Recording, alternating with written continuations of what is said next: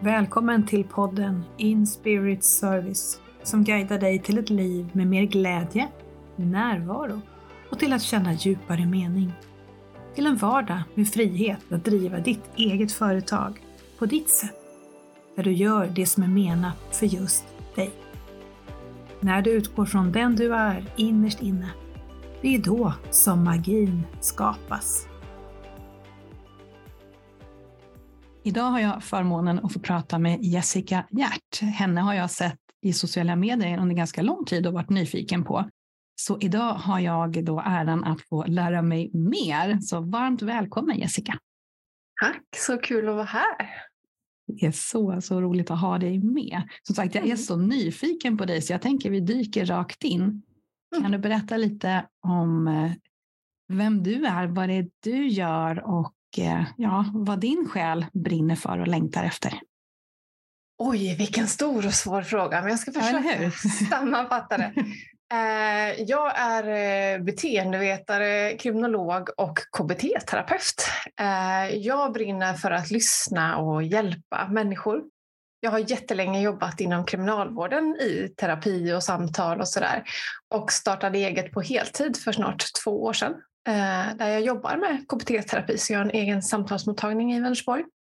Så jag jobbar med terapi. Jag jobbar också med företagsterapi där jag är mentor och coachar och hjälper företagare. Ehm, och har ett litet nätverk för kvinnliga företagare. Så det jag brinner för kan man säga, det är djupa samtal och, och att hjälpa människor. Liksom. Eh, relationer tycker jag är fantastiskt. Liksom.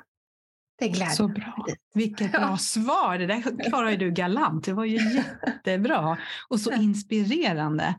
Gud mm. vad roligt. Det behövs ju verkligen det som, som du gör. Att dels tänk, jag går igång på det här med när det är nätverk och man samlas och man får stöd. Och att bli sedd och lyssnad på och det här mm. mötet. Och det, mm. det, känns, även om jag bara tidigare i skriven form har sett ditt budskap, så även där går det igenom och det känns att det är, det är din grej. Ja, ja det, är, det är verkligen guld. Jag njuter verkligen. Jag, jag ser det som ett sånt, liksom, det är en sån gåva att få någons förtroende. Det är liksom helt otroligt. Sen bör man ju väga upp de energierna i företaget eftersom jag jobbar då med mycket, liksom man kommer ju till mig när man har ångest eller depression eller är i ett problem. Um, och där kunde jag ju känna efter ett tag att det blev väldigt tungt. Mm. Och därför möter jag också företagare som har en helt annan energi där de vill någonting och vill framåt. Så att jag liksom får väga upp energier. För jag är lite känslig ändå. Liksom, att jag älskar att hjälpa och stötta men, men gör man det för mycket så blir man ju väldigt tyngd själv.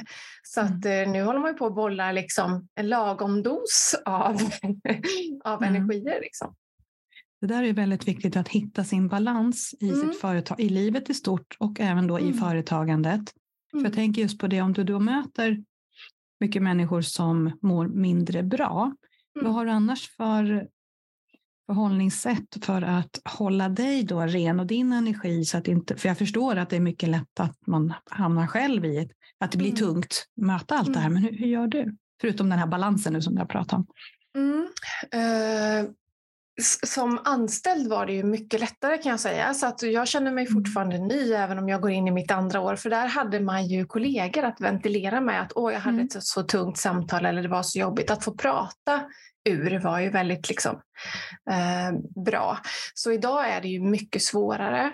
Men dels så tror jag att jag har lärt mig till viss del så att det går av sig själv. Men vissa möten, om man möter någon i stor sorg till exempel, där sitter det ju i mig kanske en hel dag eller två dagar om jag har otur. Liksom. Mm. Men jag försöker att vara medveten. Liksom, vad är min energi? Vad är någon annans energi?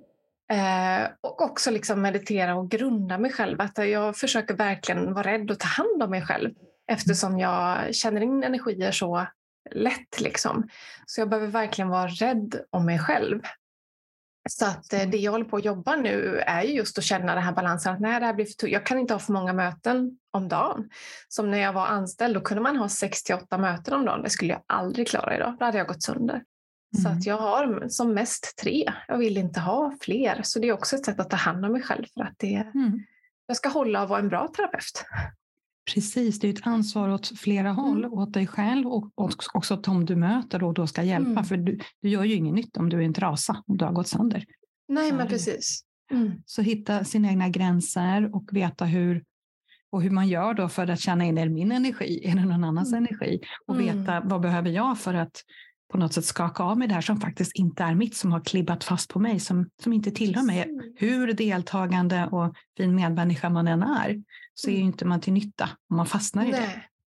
Och precis, och, och, man är ju inte mer än människa så jag gör ju också fel. Alltså om någon kontaktar mig och liksom, ja, har du tid idag? Liksom, man är ju en hjälpare så det är så lätt att säga ja. Så ibland blir det ju mm. fler samtal. Men jag tänker att den här medvetenheten är viktigare. Att shit, mm. nu har jag gjort för mycket. Okej, okay, mm. då får jag ta det lugnare imorgon eller då får jag meditera extra, ta en lång promenad ut i natur. Alltså, att jag är medveten, att jag inte bara kör på. Så det mm. tänker jag är det viktigaste. För det är klart att man liksom öppnar upp och liksom hjälper till för mycket ibland. Men då måste jag också mm. hjälpa mig själv extra mycket därefter.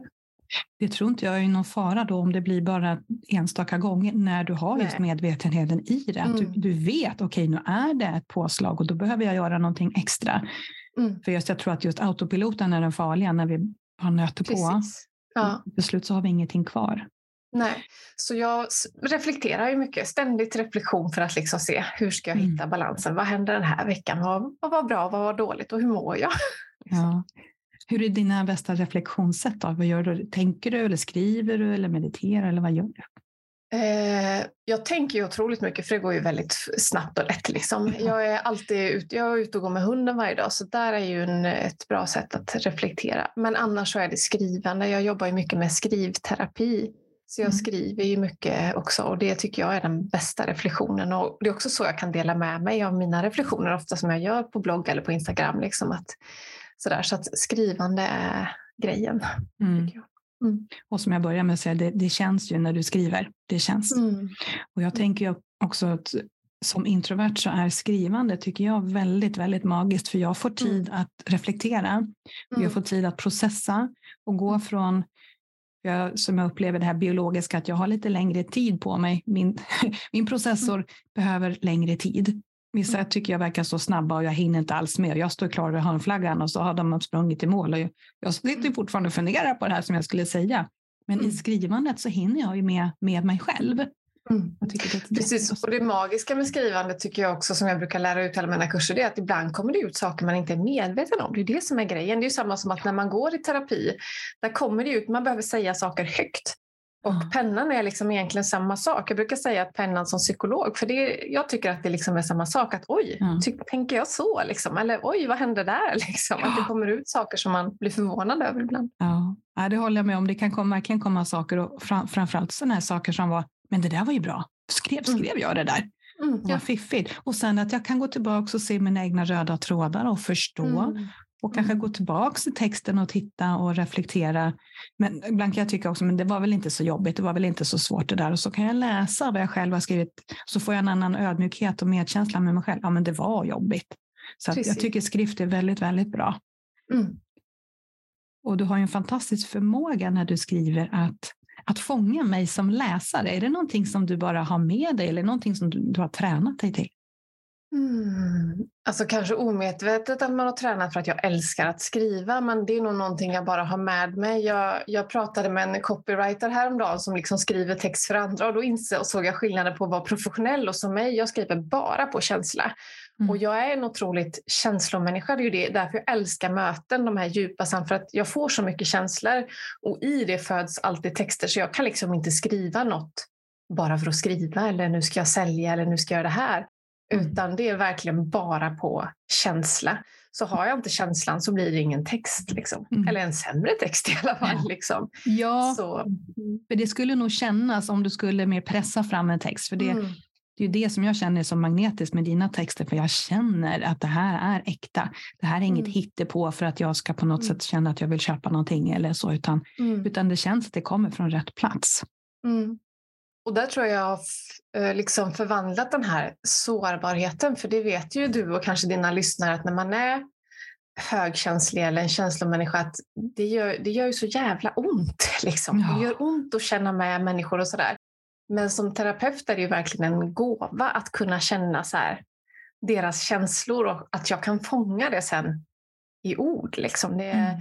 Så det är ett sätt att rensa mig själv också. Vad hände i det här mötet? Eller liksom att eh, ja, både mm. reflektera mm. över den personen och mig själv. Så att jag har försökt att liksom omvandla det här som till en styrka. För under uppväxten så kunde jag inte det. Liksom, utan det har ju varit en hög sårbarhet att jag blir så ledsen och så mottaglig för allt som händer. Även om det inte berör mig så blir jag ledsen ändå. Liksom. Mm.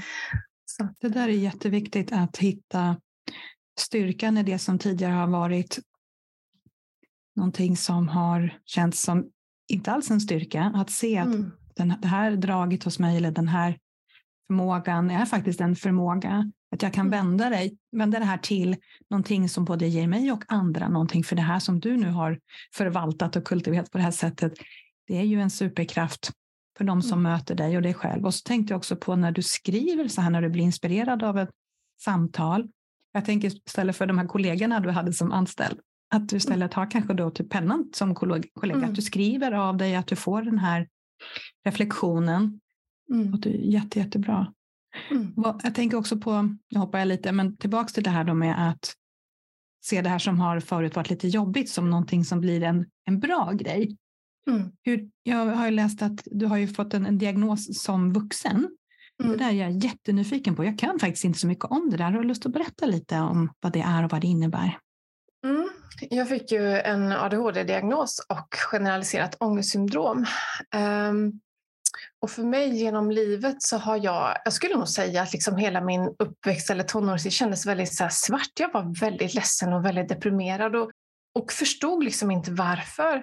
Men nu i efterhand kan jag se liksom att ja, men, nyheter gör mig ledsen, även om det är saker som händer i Afrika. Alltså, jag blir mm. påverkad mm. i timmar eller dagar. Eller se en död fågel på gatan gör mig ledsen. Det finns så många saker som gör mig ledsen. Plus att jag plockar upp andras energier och mm. blir ledsen. Liksom. Jag, det var ingen som sa det till mig då. Alltså, det fanns ju inte högkänslighet när jag var tonåring. Eller, eh, ADHD är ju också en form av högkänslighet. Det, det är ganska lika varandra, liksom de här mm. sätten. Och den här ångesten då som man har generaliserat ångestsyndrom, det innebär att man är orolig lite grann hela tiden. Det är inte så panikångest utan man går runt med en konstant inre oro och katastroftankar om allting som kan hända. Liksom. Um, och ADHD är ju det här svårt att koncentrera sig, man är impulsiv och, och sådär. Mycket tankar. Så det har alltid varit ett ständigt flöde av tankar som jag inte har kunnat sortera. Liksom. Mm. Um, Ja, nu tappade jag frågan.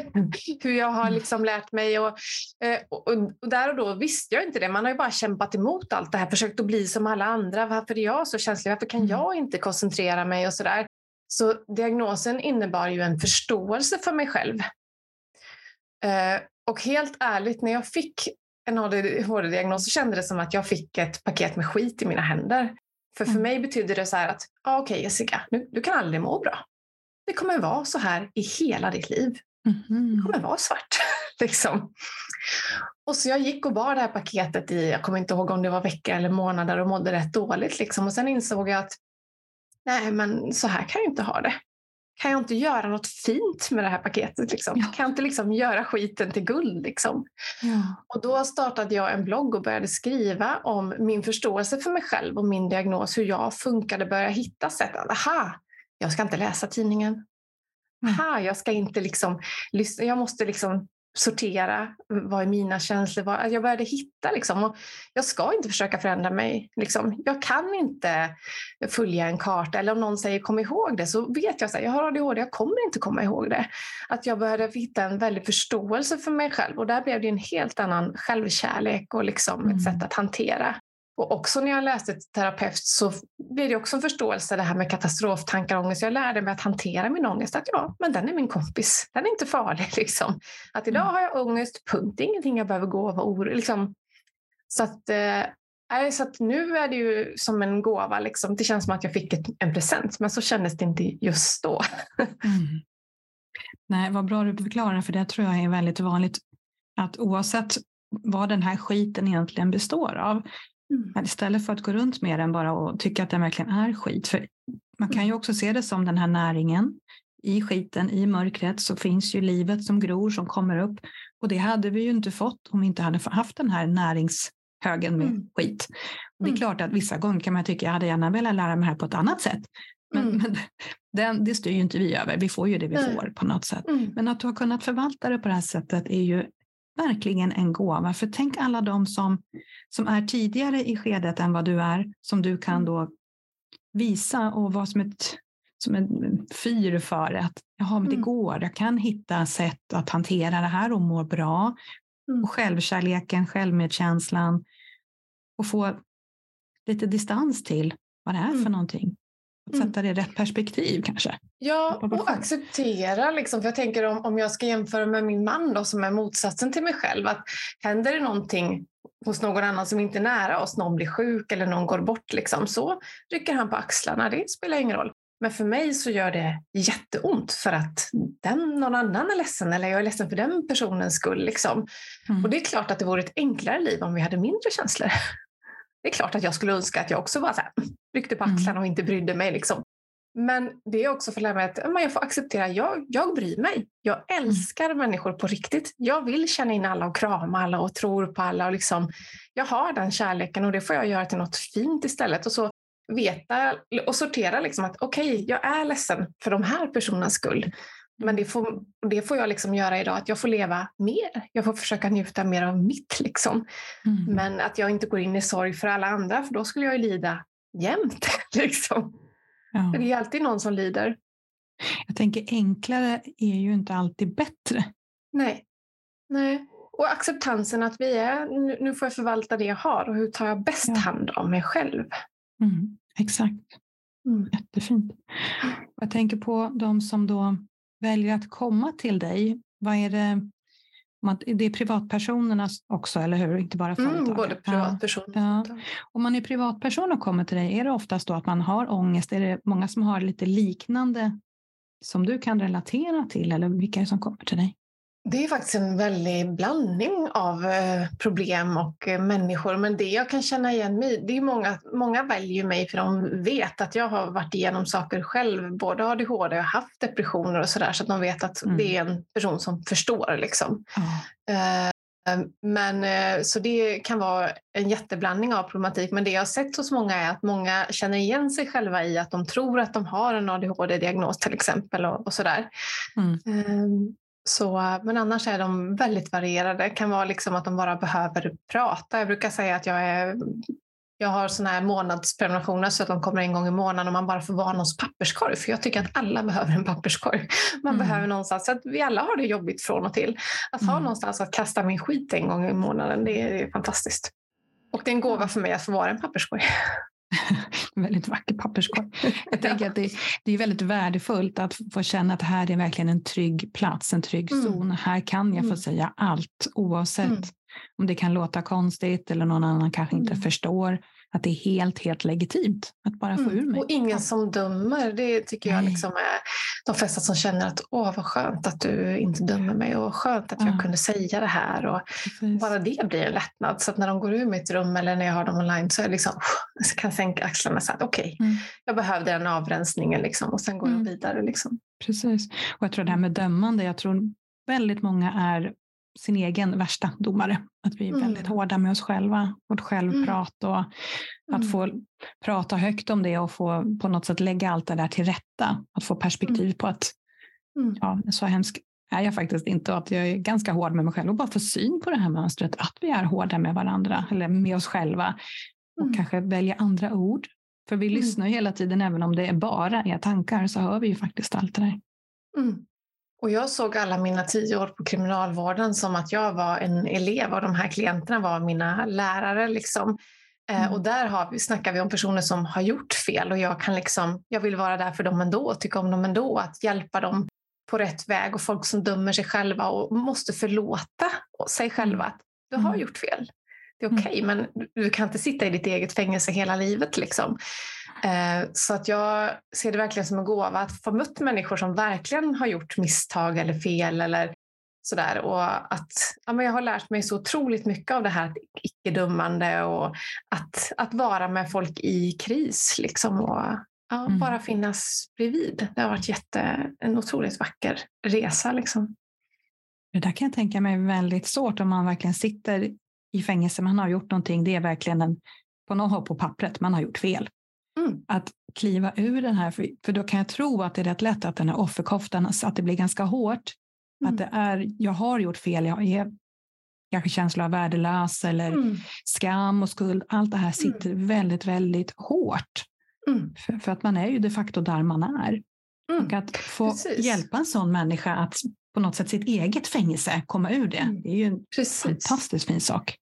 Skam är ju ett otroligt jobbigt fängelse där ingen vill vara. Liksom. Så vi behöver verkligen lyfta oss ur skammen. Och det bästa med skam är att i alla fall öppnar vi oss och blottar den så blir den inte lika tung. Det är det som är det mm. fräcka med terapi. Att säger jag det här och hon accepterar mig ändå så känns det så himla mycket lättare.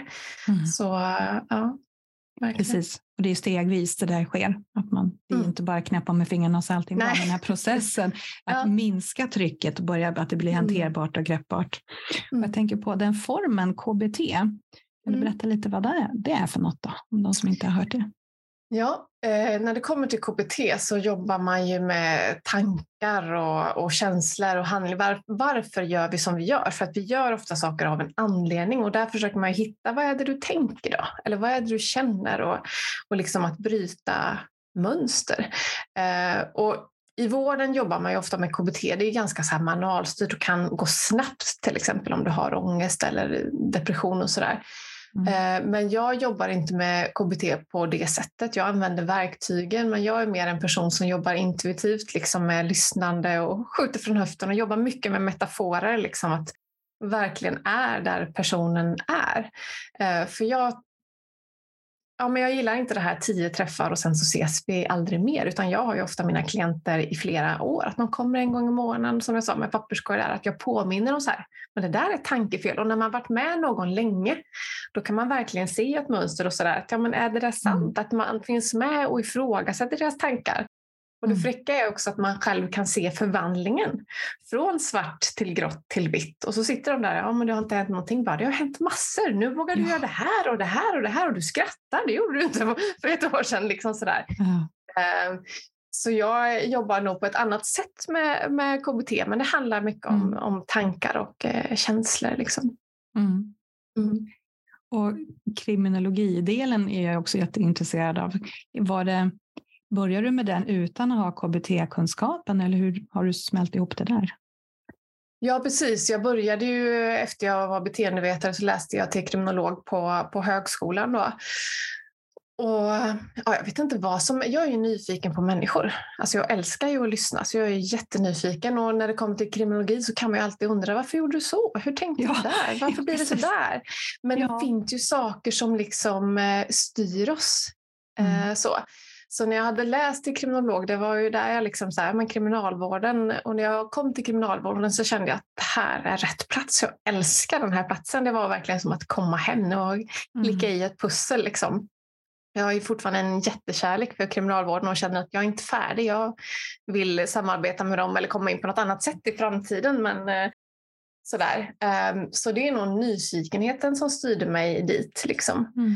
Um, och också kan det vara, om man jämför liksom kriminalvården med människor som inte är dömda så har man ju ett helt, man har ju en stor fil eller stor mapp med alla, hela personens liv. Så det är ganska enkelt att liksom kunna se så här, men vart gick det fel och saker de inte kommer ihåg eller berättar, att man liksom faktiskt kan, kan hjälpa dem att se mönster eller liksom bryta och, och mm. sådär. Så att eh, Ja, men jag tror nog att det är nyfikenheten som styrde mig till, till kriminologin. Mm. Liksom. Och överlag till terapi, att jag är nyfiken på människor. Och I kriminalvården jobbar man ju mycket med KBT, så jag utbildade mig väldigt mycket inom program i kriminalvården. Så där blev jag samtalsutbildad i KBT. Men mm. eftersom jag visste att jag ville driva eget så, så läste jag KBT vid sidan om också då till terapeut. När du pratar så får jag verkligen känslan av att det var om man ska, ska göra val i livet, vilket vi alla gör, så känns det som att välja den grenen, det var inte den kanske lättaste, inte gå den här mjuka, lite mer safe vägen för att mm. välja de som verkligen har gjort brott och har den här historien. Jag förstår att det är en, det är en utmaning. Mm. Och att det är väl det som jag får känslan att det är det som din själ vill ha. För du, mm. du kan ju göra en sån stor skillnad. Det känns ju när du pratar. Och att mm. det är där du behövs. Men samtidigt också den här hjälpen som du säger, att du har dokumenterat och har fler nycklar kanske att hjälpa till. Men det kanske behövs mm. när det är lite den här tyngre kategorin på något sätt. Med vilken mm. läroperiod och mycket du mm, måste ha lärt dig. Verkligen. Och, och, det var, och jag kände mig verkligen så hemma där, för jag tror att det är en fördel att jag har en egen ADHD-diagnos. För många inom kriminalvård vet vi idag har ADHD. Så att jag kunde ju liksom känna igen mig i deras drivkrafter och beteende fast jag har ju lagt det åt ett annat håll. Jag har också ja. ett jättestort driv och därför har jag drivit eget vid sidan av en anställning. Jag har alltid utbildat mig. Jag har lagt det liksom på ett sunt sätt. Mm. Men många som jag mötte där blev ju helt chockade. Sådär. Förstår du mig? Eller låtsas mm. du bara? Det känns som att det är första gången i mitt liv som de faktiskt ja. förstår vad jag menar och inte försöker liksom lägga dem i en mall att sluta göra så här, gör bara så här. Eller liksom för jag förstår ju att det går inte. Om de bromsar så mår man jättedåligt. Och Alltså, lägger vi fokus på en sak, till exempel som att göra ett brott, då lägger man mm. jättemycket fokus där. Då har jag inte ångest eller tankar på någonting annat. Och lyckas man med brott så får man en kick. liksom. mm. Så det finns ju liksom anledningar till att de gör det igen och igen. Och att de mår bra av det, fast att de vet, de är inte dumma, de vet ju att det är dåligt. Liksom. Mm. Eh, så jag fick ju också en stor bekräftelse i att jag, jag förstod dem. Det kändes ju lätt för mig att förstå. Eh, och det var nog därför jag hängde mig kvar så länge där, för att det blev en sån liksom, det kändes helt fantastiskt att faktiskt kunna förstå dem och hjälpa dem att förstå sig själva. Mm. Det, måste ju, det låter i alla fall som att det är den stora nyckeln till att komma ur det när man blir förstådd och mm. hjälpt att förstå sig själv. Att mm. hitta mm. andra vägar, andra nycklar och se att mm. jag kan styra den här, kanalisera det jag har i mig på ett mm. annat sätt, att det faktiskt är mm. görbart. För att bli sedd och hörd och förstådd, det är ju en, det är en mänsklig rättighet kan jag tycka och ett behov som vi har. Verkligen. Så eget företag, det visste du ganska tidigt då att det var ändå det du ville ha? Mm. Ja, för jag, jag ville verkligen ha frihet och eftersom jag har ADHD så har jag liksom, jag måste utvecklas. Så mm. under hela tiden jag haft en anställning så har jag alltid gjort saker vid sidan om för att en anställning har aldrig varit tillräckligt. Det har varit min kanal för att liksom den här kicken hela tiden. Så jag har liksom föreläst, skrivit böcker, liksom gjort saker hela tiden. Uh, och, och, utan det så skulle jag hamnat i en depression. Så jag visste ju liksom att jag behöver ett företag, jag behöver frihet och jag behöver utmanas och utvecklas, lära mig nytt hela tiden. Och i en anställning så är det lite så här, sitt still i, båten att nej men nu har du gjort tillräckligt eller nu får du inte liksom. Och jag kände att jag pallade inte det liksom. Eh, så för mig var det självklart så att jag visste ju liksom att jag ska driva eget och jag är här för att lära mig så mycket jag kan. Liksom. Mm. Mm. Och föreläsningar och böcker, vad är det du föreläser om och skriver böcker om? Eh, då föreläste jag om eh, psykisk ohälsa, så jag föreläste om min egen eh, ADHD jämfört med min, jag har en bror som också har ADHD och han valde lite mer missbruk och kriminalitet och jag valde liksom självutveckling och sådär, att vi har gått på mm. två olika sidor. Men hur det kan liksom visa sig och hur man kan må väldigt dåligt. Jag har också föreläst om psykisk ohälsa och, och missbruk. och sen min, vad blir det, ABCD-uppsats eller någonting på mm eh, gjorde jag till en bok där jag gjorde en undersökning om eh, ADHD och kriminalitet kopplat till självkänsla. Att vi mm. ofta vill bara känna oss värdefulla och duktiga och, och sådär. Um, så skrivit lite böcker om ja, men psykisk ohälsa och skrivterapiböcker har jag också gjort. Det där är så viktigt. Jag tänker att du kan ju inte finnas för varje brottsling i hela Sverige. Men skulle, de skulle ju behöva en Jessica allihopa. Mm. Och om det då mm. finns i skriven form så kan det ju kanske inspirera andra. Så är det även andra behandlare eller terapeuter som tar del av det här materialet? Eller hur, hur, mm. hur sprids det där? Eller om det sprids överhuvudtaget, men jag tänker att det borde göra det för det låter ja, så bra. Precis. Jag tänker att för mig var det där med, med ADHD, kriminalitet och självkänsla väldigt stort. Det var in, jätteintressant att få intervjua de här människorna och komma så nära och se att liksom, det enda de ville var att känna sig liksom behövda och älskade och duktiga. Och de kunde förklara det att jag, jag var inte duktig på någonting i hela mitt liv. För ofta så misslyckas man ju så i skolan. Och så när det kom till brott så var det enda gången som jag var duktig. Ja, mm. men då fortsätter man med det. Eh, eller enda gången jag blev omtyckt var i den här gruppen. När jag var med de här människorna. Men då stannar jag där. Att det är sådana självklara saker fast det blir fel val. Och att vi utanför också börjar förstå att det finns en anledning till att man hamnar där. Och där skulle vi ju kunna jobba mer förebyggande liksom, att, med skola och allt sånt där. För det börjar ju otroligt tidigt. Men ofta så tappar man ju sin självkärlek och självvärde ganska tidigt när man har en ADHD-diagnos. Mm. Och det kan ju ställa till det om vi inte tycker om oss själva. Då väljer vi ju lätt fel vägar. Mm. Jag tänker på just både skolan och kriminalvården. Hur, har du en känsla att du vill fortsätta att eh, bidra dit eller vad, vad är dina tankar och drömmar? Mm, åh, vad svårt. Eh, jag vet faktiskt inte nu. Alltså, allting känns fortfarande relativt nytt, även om det inte är det. Liksom. Så jag håller på med balansen i, i mitt liv. Och jag, har ju, jag älskar djur och älskar hundar, så en av anledningarna till att jag ville driva eget det var för att jag vill ha med mig min hund på jobbet. Jag vill vara med min hund. Liksom. Mm. Så just nu håller jag på att utbilda honom till terapihund så att han ska vara med mig på min mottagning. Mm. Så en dröm är väl att kunna jobba till, hos kriminalvården, att gå in på häkte eller anstalt och möta de här människorna tillsammans med min hund. Eh, för där har både jag och min hund mycket att, att dela med sig av eftersom han, han är en American Bully, en slags kamphund. Och de blir ofta missförstådda, precis som man blir när man är kriminell. Att folk har förutfattad mening, han är farlig, han bits, han är elak. Liksom. Så att man skulle kunna hjälpa till mycket genom bara metaforer och, och sådär. Liksom. Och, tro, och man vet att hundar är ett stort stöd för oss människor. Det räcker att klappa en hund så höjer vi våra oxytocinnivåer och sådär. Så att, att få med honom i ett jobb mer är ju en, en dröm, liksom, att han är en naturlig del av min vardag. Jag blir alldeles tårögd när du pratar. Åh, vad fint. Så mm. De är ju underbara djuren, sådana mm. läkemästare de är. Mm. mm. mm. Verkligen. Så eh, hur långt har ni kommit i den utbildningen? När har han examen? Då? Ja, precis. Just nu håller jag på med teorin. Han ska göra ett lämplighetstest och så. Och han är två år så han är fortfarande lite omogen. Så han är lite sådär, han går lätt upp i varv och liksom, så det är därför han inte får vara med här nu för då kanske han hoppar på mig och ska hålla på och busa och sådär. Mm. Så att han är inte riktigt redo än. Så att jag hoppas kunna lämplighetstesta honom kanske i sommar. Jag behöver träna honom mer så att han är lugn. Så han är med mig mm. på mottagningen nu och börjar att öva på att vara med och vara lugn i rummet. Sådär. Mm. Så att jag hoppas att vi är färdiga inom det här året. Och mm. att både han och jag blir, jag är inte så orolig för min del, jag kommer säkert bli godkänd. Men jag är orolig för hans del, att han blir godkänd. För det handlar ju också om mognadsnivå på honom så att inte han liksom ska börja busa med den här ledaren. Liksom. Ja, veta när det är lek och när det är allvar. Så han... Precis. Ja. Eh, och de känner ju också av energier och då, där är det ja. viktigt att liksom, om någon sitter och gråter att han inte går upp i, i arousal, att han liksom börjar så nu ska jag leka med dig eller få igång det utan då måste mm. han hålla sig lugn. Så det här är ju en allvarlig träningssak för honom också. Ja. Och jag har haft med honom i terapirummet nu bara i två veckor och där märkte jag första klienten som kom var jättelugn. Det kände jag själv, han hade jättelugn energi och min hund la sig och sov.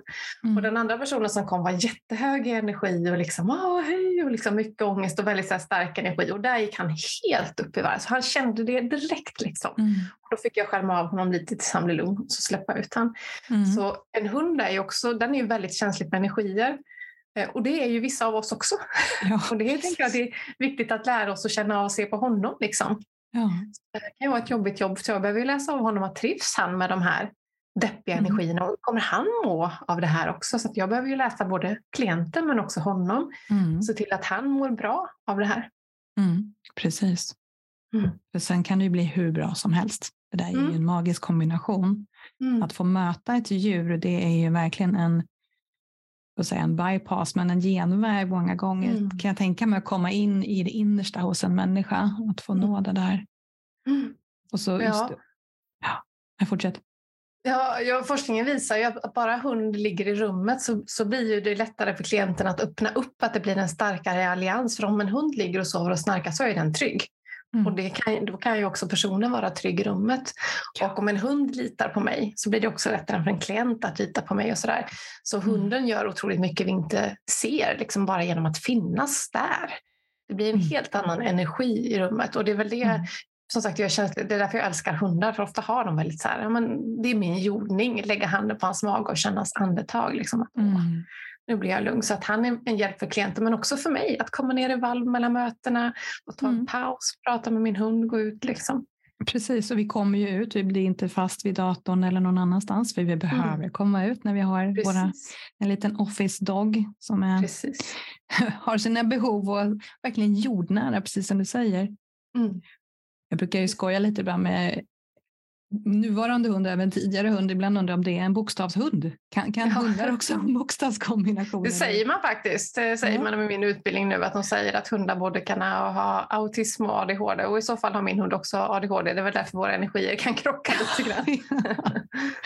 ja, för de är ju individer de också, precis som mm. du säger, känner av energier och sådär. Mm. Ja. Mm. Ja, vad roligt, så nu går han i skolan. Mm. Och hoppas att det kommer bli rätt för alla parter, att han kommer tycka mm. att, det, att det ger honom Verkligen. någonting. Mm. Det finns ju många sådana här klipp tycker jag man har sett på nätet om de här terapidjuren, både hästar och hundar, när de möter mm. människor. Det, det, är så vackert så jag blir alldeles tårögd. Mm. Ja, och de är ju så långt framme i andra länder som USA och så. Där är det vanligt med hund på fängelse och sådär. Och här i Sverige mm. är det ju inte lika. Nu har vi precis börjat få i hundar på vårdhem och, och sådär. Mm. Och lite grann i skolan. Men det är inte lika vanligt än. Så jag hoppas ju kunna ändra på det. För att jag mm. vet ju jag har ju varit mycket på häktet och träffat människor där i den utsattheten och rädslan och sårbarheten. Liksom. Så att få komma in där med en hund som tröst, att, att få krama en hund, det hade ju varit fantastiskt. Liksom. Mm. Så att det, det är verkligen en dröm att kunna dela med mig av honom och bjuda mm. på den liksom värmen och kärleken han kan ge. Inte bara min egen värme och kärlek utan här får du mm. dubbel. Liksom. det hade varit Då säger vi att det kommer att bli fantastiskt. Mm. mm verkligen. Mm. Ja. Så hur, hur ser annars en arbetsvecka ut? För, behöver du ha fasta rutiner eller kände du att du behöver vara väldigt flexibel beroende på vad som händer? Eller hur, hur jobbar du? Eh, nej men jag är en person som mår bäst av fasta rutiner. Att jag har liksom, den här tiden går jag hunden ut varje dag, jag har klienter de här tiderna och sådär. Och mm. paus och återhämtning och, och sådär. Så att oftast så jobbar jag med fasta rutiner, men ibland så anpassar jag mig kanske lite för mycket efter mina mm. klienter och klämmer in en extra och sådär. Och då känner jag av, känner jag av det direkt så. Mm. Uh, så jag försöker att hålla fast i mitt schema så att jag liksom bara har ett visst antal klienter och alltid, alltid samma tider och gör samma slags jobb. Mm. Liksom, det mår jag bäst av. Precis, som vi pratade om mm. tidigare, medvetenheten att om det blir mm. lite extra i dina rutiner då så har du ändå en mm. verktygslåda så du vet vad du ska göra med det. Mm. Mm. Och medveten att det är för att jag bryter rutinen som jag känner lite så stress. Ja. Eller så, här, så att den här medvetenheten att ja, just det, nu blev det fel tid här men det är okej okay, för ja. då gör jag det efter det. Liksom. Ja, så viktigt. Jag tänkte du pratade också om att du vänder dig då till företagare. Mm. Berätta lite mer om, om det benet, vad du gör då. Mm.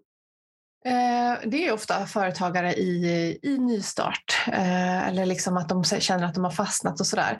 Och jag kallar mig för företagsterapeut men det är ju en form av företagscoaching för grejen är att vi är ju våra privatpersoner i företaget också så att mår jag dåligt så mår ofta företaget dåligt eller kommer att må dåligt. Mm. Så mycket där handlar det om mina tankar också. Jag kommer inte att lyckas eller det är ingen idé eller jag vågar inte visa mig eller allt det där man kan drabbas av. Um, så det handlar mycket om rädslor, stress, eh, att hitta sitt lagom där och eh, ofta så jämför sig de här personerna med andra, att man får liksom hitta liksom sig själv. Så att mm. egentligen är det som terapi fast klienten mår inte dåligt på samma sätt som de här privatpersonerna utan de har ett driv men kanske sitter fast lite eller vill ha ett, ett mentorbollplank att Alltså, som företagare så har, finns det så mycket att göra. Dels liksom att oh, jag måste göra det där och det där och så mycket man vill göra, idéer som poppar. Liksom. Mm. Så där handlar det också om att vara i bollplank. Vart är du nu? Vart ska du? Liksom? Och vad kan vi skala av? Och vad ska du fokusera på? Och lägga undan, säga nej till allt det där andra. Mm. Så där är jag ett hjälp och stöd på flera olika sätt beroende på vad de kommer med för, för bekymmer och i vilken fas de är i. Men eh, det är helt fantastiskt för att det är, det är en helt annan energi. Så den blandningen mm. är ju väldigt skön att få jobba med mm. båda delarna. Förstår jag. Är företagarna som kommer till dig, är det företrädesvis de som är lite lika dig eller spelar det ingen roll? Kanske mix där också? Det är nog en mix, men, men många terapeuter som vill driva eget eh, har ju hört av sig, liksom vill ha hjälp och råd för att de vill gå samma väg som, som mig. Så där är det väldigt många som kontaktar att jag är också terapeut, jag vill också driva eget, hur, hur gör jag liksom? Mm. Men annars är det en blandning av alla möjliga yrken. Men ofta är det kvinnor som vill jobba hemifrån på något sätt eller liksom digitalt eller sådär. Mm. Mm. Jag tänker att just det här när vi känner att vi vill driva eget, nu talar jag egen sak, det är ju mm. verkligen en personlig utvecklingsresa. För det, Gud, ja. det går inte att kliva, jag kan i alla fall inte kliva in i en roll, ta på mig en kostym och så låtsas och så bara köra och driva företag för företagandets skull. Nej. Det går inte.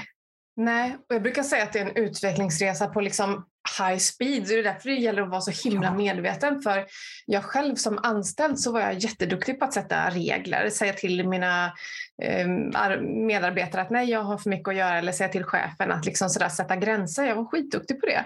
Så mm. när jag liksom kom in som egen företagare så tänk, tog jag för givet att nej, men jag är jätteduktig på att sätta gränser. Och sen insåg jag att Fan, det är jag inte alls. Jag låter ju klienterna bestämma tider. Liksom. Jag bara följde alla och kalendern var jätteplottrig och jobba, jag jobbade kvällar och helger och sånt som jag absolut inte ville.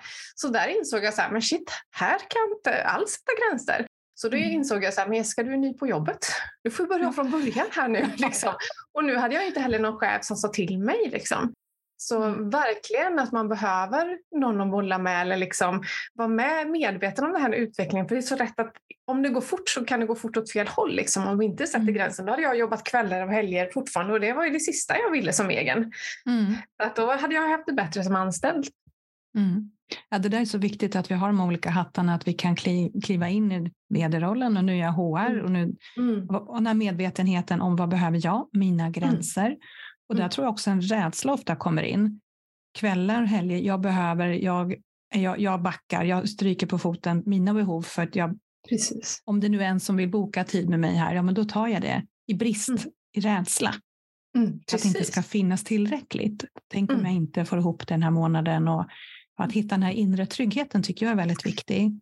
Precis, och jag tror att det är viktigt att vi pratar väldigt högt om den, för jag tror att alla är därifrån och till. Att man blir mm. rädslostyrd, man tackar ja bara för, ja. Att, för att som företagare så vet vi faktiskt inte om pengarna kommer fortsätta komma in. Det kan vi aldrig veta. Eh, så mina, alla mina klienter nu kan ju försvinna nästa månad. Jag hade ju en sommarvecka för något år sedan där alla sju stycken på en vecka bokade av sig av olika sjukdomar och anledningar. Liksom. Det var ju mm. den liksom, inkomsten borta. Så vi är ju inte trygga på det sättet, men någonstans måste vi bygga upp den här inre tryggheten ändå. För att leva rädslostyrt kommer att göra att vi mår väldigt, väldigt dåligt. Så därför måste vi vara medvetna. Och jag fastnar själv ibland i rädsla. Det är då man går över sin gräns. Att äh, jag puttar in en till här fast jag egentligen inte har tid. Liksom. Mm. Men då känns ju det i mig. Då känner jag ju det direkt att nu har du gått över gränsen Jessica. Backa tillbaka. Mm. Mm. Precis, så att vi har både medvetenheten och sen resurser att ta hand om det. Mm. För där kan jag tänka att det är så lätt att vi sen börjar slå på oss, men det var dum jag var som gjorde det här och vad fel mm. jag är. Och, mm. Stopp, mm. du, är, du är duger precis som du är. Mm. Och att vi agerar ju på det sättet som vi klarar i varje given situation, men att när vi vet bättre, då kan vi göra bättre. Mm. Och den här självmedkänslan och lyfta oss själva. Mm. Precis, och det är precis så jag hjälper till som, som företagsterapeut också. Att liksom, även om vi har gått över gränser och gjort fel, så att vi ska inte slå på oss själva. Det hjälper ju inte någon. utan se vad jag har gjort, förändra, förbättra liksom hela tiden. Mm. Att vara med, att liksom hjälpa folk till rätt tankar helt enkelt. För att tankarna gör ju att vi mår bra eller dåligt. Så är det ju. Precis, nu ser jag den här triangeln framför mig, KBT. Mm. Mm. Precis. ja. Jo, men det är ju så viktigt att vi, framförallt den här medvetenheten. Mm. Och att den kan jag tycka är väldigt mycket mindre lätt ska jag säga, att hitta mm. själv ibland. Att då är det bra att mm. ha ett bollplank för att så även som introvert företagare, egenföretagare, jag behöver inte vara så solo och ensam. Utan när jag söker andra, både som kollegor, bollplank och mentorer, så får jag ju hjälp att spegla, se, bli medveten. Mm. För det är, om jag inte vet så vet jag inte. Men om jag möter någon som kan se hos mig eller tipsa mig och berätta kanske också sin historia som kan hjälpa mig i kunskap och insikt som jag inte ens visste att jag behövde. Det tycker jag är Precis. fantastiskt när man möts. Mm. Mm. Så hur gör ni när ni träffas? För du hade en cirkel också med företagare. Precis, det, det är en eh, digitalt företagsnätverk så att vi träffas varje måndag klockan åtta för att bara dricka kaffe och kolla av hur helgen varit, vad ska du göra i veckan liksom. Och, mm. och, jag startade det här nätverket just själv för att jag kände mig otroligt ensam. Jag är också mm. introvert men jag kunde ändå känna att nej, men det här är för det blir en obalans. Jag är alldeles Exakt. för ensam. Det och det handlar det. väl om att jag har ett väldigt inlyssnande jobb. Så när jag mm. träffar människor så träffar jag bara för att lyssna på dem. Det är ingen som pratar med mig. Mm. Så jag känner ett väldigt stort behov att jag behöver någon som frågar mig. Hur mår du Jessica? Vad ska du göra? Exakt. Så då startade jag Solosystrar. Då. Så vi träffas digitalt minst två gånger i veckan. Så varje måndag och varje fredag så har vi liksom coworking och lite liksom fika och sådär. Och sen en kväll i mm. månaden där vi liksom pratar, bollar problem eller pratar mm. kring ett tema och sådär. Och sen ska vi åka på workations fyra gånger om året. Så vi åker på första här i mars. mm. och träffas på riktigt. Annars är det bara digitalt. Mm. Ehm, så det är just för min egen känsla att jag måste ha någon att prata med och bara få vara jag, också företags-Jessica. Liksom. En annan del av mig som behöver få utrymme. Vilket härligt upplägg, för det där behöver vi alla och det gäller att vi hittar den formen och det gänget och den strukturen mm. som passar oss. Mm. Vi, det här behöver jag. Att mm. lyssna inåt och då kan man ju mm. ta hjälp eller man kan sätta sig och skriva och komma fram till vad behöver mm. jag? Bara bli mm. medveten om.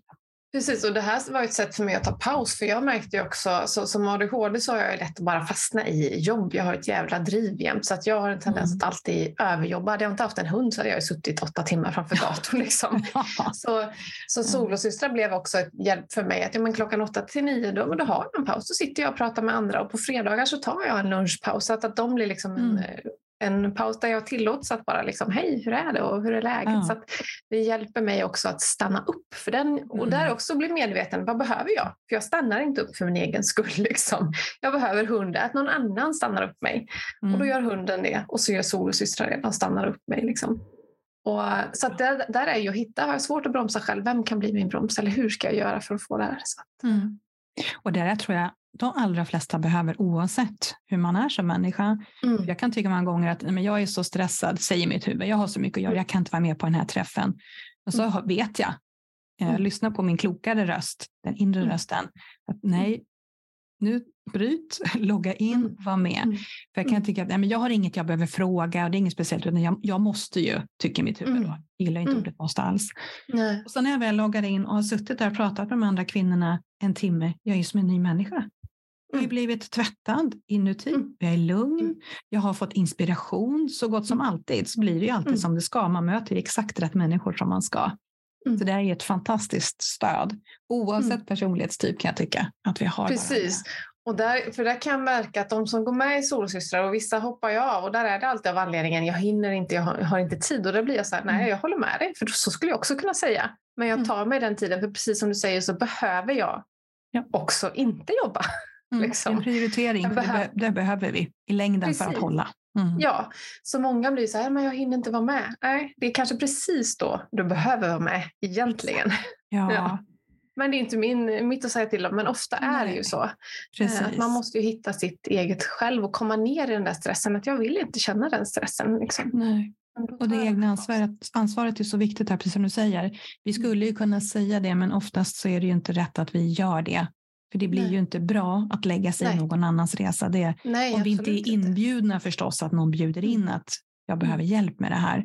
Men mm. vi kan ju se och känna in att, precis som du säger, det, ja, men det är just då du, kanske, du behöver det här. Mm. För att nu är mm. du, det går i spinn och det går på rus kanske, utan du behöver de här mm.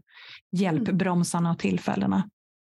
Ja, precis. Och sen tänker jag också, att det kanske beror på vad vi har för slags yrke. För hade jag Mm. Eh, alltså sitter man ensam framför datorn eller som jag att man bara lyssnar då behöver man den här ventilen. Men har du ett yrke där du är otroligt social, men då kanske inte du känner för ett, lite, ett socialt extraprat. Då kanske det inte är det här, då kanske inte är ett nätverk du behöver. Utan, så det får man ju såklart känna in själv. Men för mig är det så här, jag mm. behöver det här småchattret som jag, när jag var anställd så tyckte jag så att det där var ju oviktigt. Jag gillar bara djupa samtal. Mm. jag tycker inte om det här. Vad är vädret? Vad, liksom, vad har du gjort i helgen? Det betydde ingenting för mig. Mm. Men nu kan jag ju känna ett jättestort behov av att bara liksom småprata med människor. För nu finns ju inte de naturligt i min vardag. Mm. Ja, där är vi väldigt olika vad vi behöver. Mm. Jag är nog fortfarande väldigt i det där stadiet att löst prat, ja det kan gå bra en kort stund men det skaver väldigt fort i mig. Så mm. även mm. om det är ett möte som jag har med mina, mm. i mitt nätverk så är det ju att mm. det blir ändå djup i det. Precis. För det är det, det som håller längden tycker jag. Precis, och det blir ju det blir ju djupt för att man känner varandra efter ett tag. Och, och det jag menar att det, det blir ju ett, ett djupt samtal för att man känner varandra i nätverket men det kan ändå vara mm. så här, ja, men vad gjorde du i helgen eller hur gick det med det där? Att man kan följa upp så det blir ju inte det här intima mm. som man har one-to-one. Men eh, så det kände jag ju ändå att jag hade ett väldigt behov av bara det här, ja men lätta liksom, kolla av och någon som frågar mig liksom. Uh, och så tänker jag att det är ett space också för att kunna ta upp djupare saker om man har behov. Men ibland så mm. är det ju skönt att bara mm. chitchatta lite grann och bara lufta sig och mm. veta mm. att om jag vill så kan jag. Men kanske idag mm. väljer jag att inte. Men jag vet att jag mm. hade kunnat. Precis. Det är väldigt skönt när man möter sådana människor när det blir en äkt, ett äkta möte. Precis. Och det är så jag känner, det är väldigt viktigt för mig i mitt nätverk, för jag är ju en sån person som ja, men jag kan inte vara annat än autentisk liksom, och, äkta och då vill jag att alla ska vara mm. bekväma med det och jag vill ju att alla ska mm. känna likadant, att de har lätt för att öppna sig. För sitter man där helt stängd då kommer jag känna av det. Då blir det liksom fel i balanserna. Liksom. Så jag vill att alla bara ska kunna liksom vara öppna och dela med oss av både saker som är svårt men också ibland kan det vara svårt att dela med sig av saker som går bra. Oh, jag har tjänat mm. så här mycket pengar. Det kan vara svårt att säga också för man vill inte trampa någon på tårna eller vara för mycket. Så jag vill att det ska kunna mm. vara båda håll. Vi delar både glädje och svårigheter och sorger. Liksom sådär att mm. Den här öppenheten vill jag verkligen ska genomsyras. Att våga ställa svåra frågor eller berätta att mm. du är rädd. Eller, ja. Mm. Jo, precis. Att, att de som är med kan känna att allt är okej. Okay. Att vara mm. hållen i att Visst, jag kan tycka att det är helt okej okay att ha svårt att prata om det här, ju självklart. Mm, absolut. Men att det mm. ska vara den här trygga miljön, att du ska mm. veta att det är okej. Okay. Och är det mm. någonting som, för det tycker jag är så viktigt, det brukar jag trycka på att blir du triggad av någonting, ta inte det mot den som triggar dig, för det handlar Nej. om dig.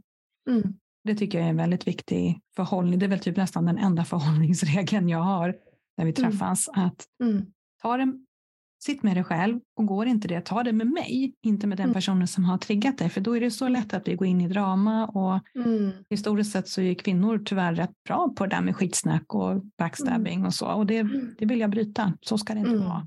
Nej, precis. Sitt med sitt eget skit och gör det till guld. Mm. Och ta hjälp med det om du behöver och så möter precis. vi den andra och ser den skinande buddhan som finns i den personen. Och det är inte alltid lätt, absolut inte lätt. Men det är det som är livet. Precis, och det är det vi behöver jobba med hela tiden. Liksom. Oss själva. Ja. Varför tänker ja. jag så? Varför gör jag så? Vad, vad väckte den i mig? Liksom? Och det kan jag tycka är jättenyfiken. Jag, som, som jag sa, jag tycker väldigt mycket om människor och älskar alla former av människor. Men när någon väcker någonting i mig så blir jag så här, åh vad intressant, vad händer nu? Ja. Varför? Vad är det jag känner mot den här personen? Liksom? och det är ju jättemycket bättre att komma därifrån, att det blir nyfikenhet istället för att mm. gå direkt till agerande eller ilska eller utagera, ja, liksom, ta ut det på felaktigt sätt, fel och fel. Mm. Men att just med nyfikenheten, mm, mm. spännande, vad ska jag lära mig nu? ja, precis, precis. Vad är du för läromästare i mitt liv? Ja, ja. Vad mysigt det har varit att prata med dig. Har du något några andra tips och råd till de som lyssnar nu med tanke på mm. allt vi har mm. pratat om?